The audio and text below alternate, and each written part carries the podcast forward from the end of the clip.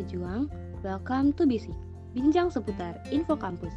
Kali ini kalian ditemenin sama aku, Nida. Nah, di sini aku nggak sendirian, aku ditemenin sama geser kita yang punya banyak informasi buat kalian. Nah, geser kita ini berasal dari universitas ternama loh. Nah, biar nggak lama-lama, langsung aja yuk kita tanya-tanya. Halo Kak Rizky.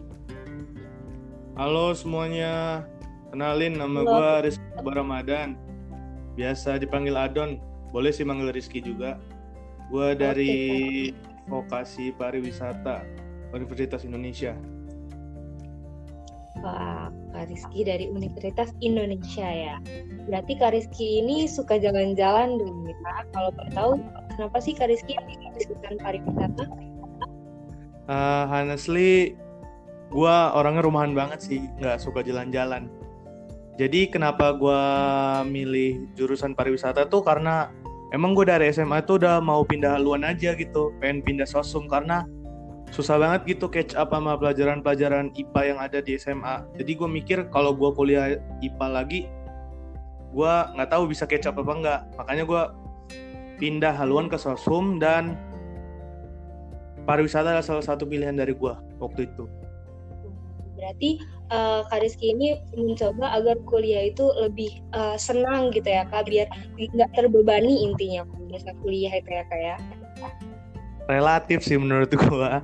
Tergantung okay. orang sih itu. Oke, okay. nah terus gimana nih kak perasaannya bisa di vokasi Universitas Indonesia? Ya perasa perasaan gue sih beda-beda sih. Kalau before waktu gue keterima tuh emang seneng banget gitu ya lama-lama sama aja sih kayak orang kuliah di mana aja menurut gua sama-sama ada bagus ada kurangnya sih Oke, berarti uh, sama aja ya kamu kuliah di mana pun itu tergantung ke diri sendiri ya kak. Berarti balik lagi ke diri sendiri. Yes, like that. Oke, terus kalau boleh tahu apa sih kak bedanya kuliah di program vokasi sama fakultas lain? Uh, jadi perbedaannya tuh emang cukup mencolok ya. Kalau fakultas-fakultas lainnya di Universitas Indonesia mereka punya program S1 reguler, S1 paralel, S1 kelas internasional, sama pasca sarjana. Terus kalau vokasi itu untuk D3 dan sedang ada rencana untuk jadi D4. Jadi oh. dari kurikulum pun udah beda juga. Kalau setahu gua fakultas tuh emang lu di goalsnya itu untuk menjadi seorang akademisi atau peneliti. Sedangkan lu kalau di vokasi itu lu ditargetin untuk jadi seorang praktisi. Jadi 30% teori, 70% praktik sih kalau di vokasi. Oke. Terus kalau boleh tahu ada jurusan apa aja Kak di program vokasi ini? Nah, di untuk vokasi di itu ada ya, ada tiga rumpun. Itu ada rumpun uh, uh, administrasi, uh, macam-macam tuh ada administrasi perkantoran, administrasi perbankan, perpajakan.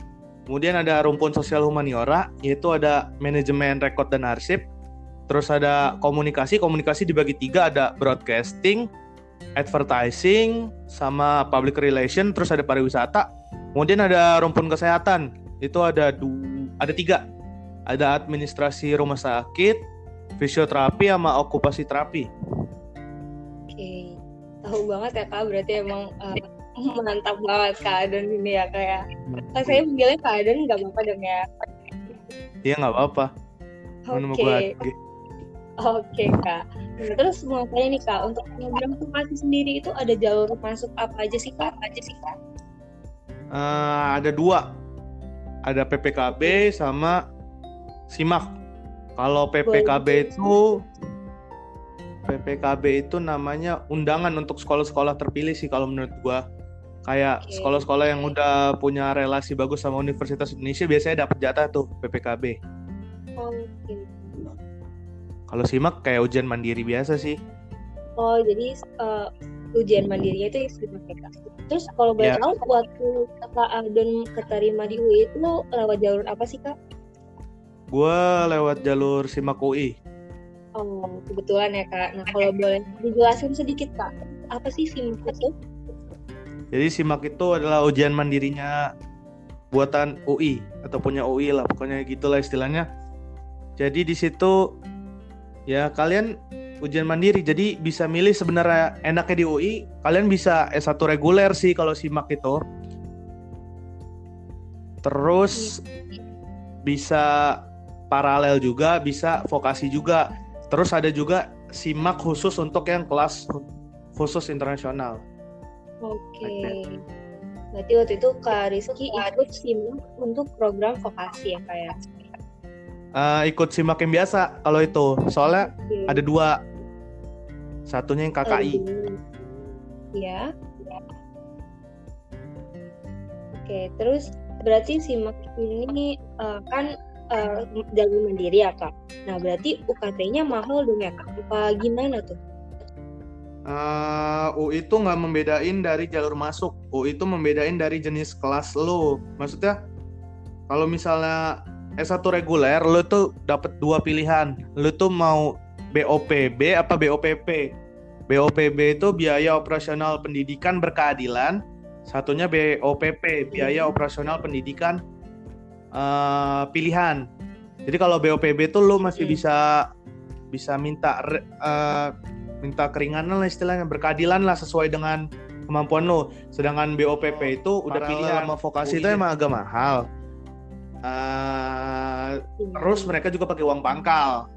Terus ada lagi KKI mereka double juga sih karena double itu degree juga. sendiri itu uh, waktu zaman Adon ini sistemnya gimana sih kak? Apa, apa UTBK gitu Uh, jadi uh, mau cerita aja nggak terlalu detail ya kalau masalah UTBK karena gue tahun lalu nggak UTBK jadi kalau nggak beda jauh sih sama-sama ada TPS ya terus ada TPA-nya TPA-nya ya tergantung ngesosom apa saintek bisa IPC juga sih setahu gue dua kali gitu. Terus kalau tahun gue itu ada tambahan buat esai tapi tahun ini kayaknya udah nggak ada lagi Oke, berarti tahun ini mungkin nggak ada esai lagi ya kak? Iya, udah nggak ada esai.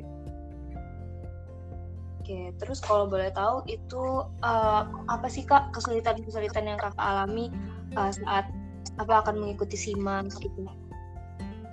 Kesulitannya karena sebelumnya gue udah dapet SNMPTN, jadi kayak kalau di bimbelan gue tuh kalau misalnya lo udah dapet undangan, lo off dulu biar temen-temen okay. yang mau UTBK fokus dulu. Jadi itu bener-bener off gue nggak belajar sama sekali setelah dapat SNM itu. Bahkan un gue nggak belajar gitu. Jadi setelah UTBK selesai gue baru catch up lagi di bimbel gue dan ya lumayan sih nggak belajar dua bulan berhenti gitu. Ya emang cukup sulit ya kak untuk uh, kembali uh, belajar untuk apalagi itu kan kita mau ujian masuk simak dan itu emang pasti butuh perjuangan banget ya kayak ya? pasti banget sih karena ya emang sulit gitulah soalnya.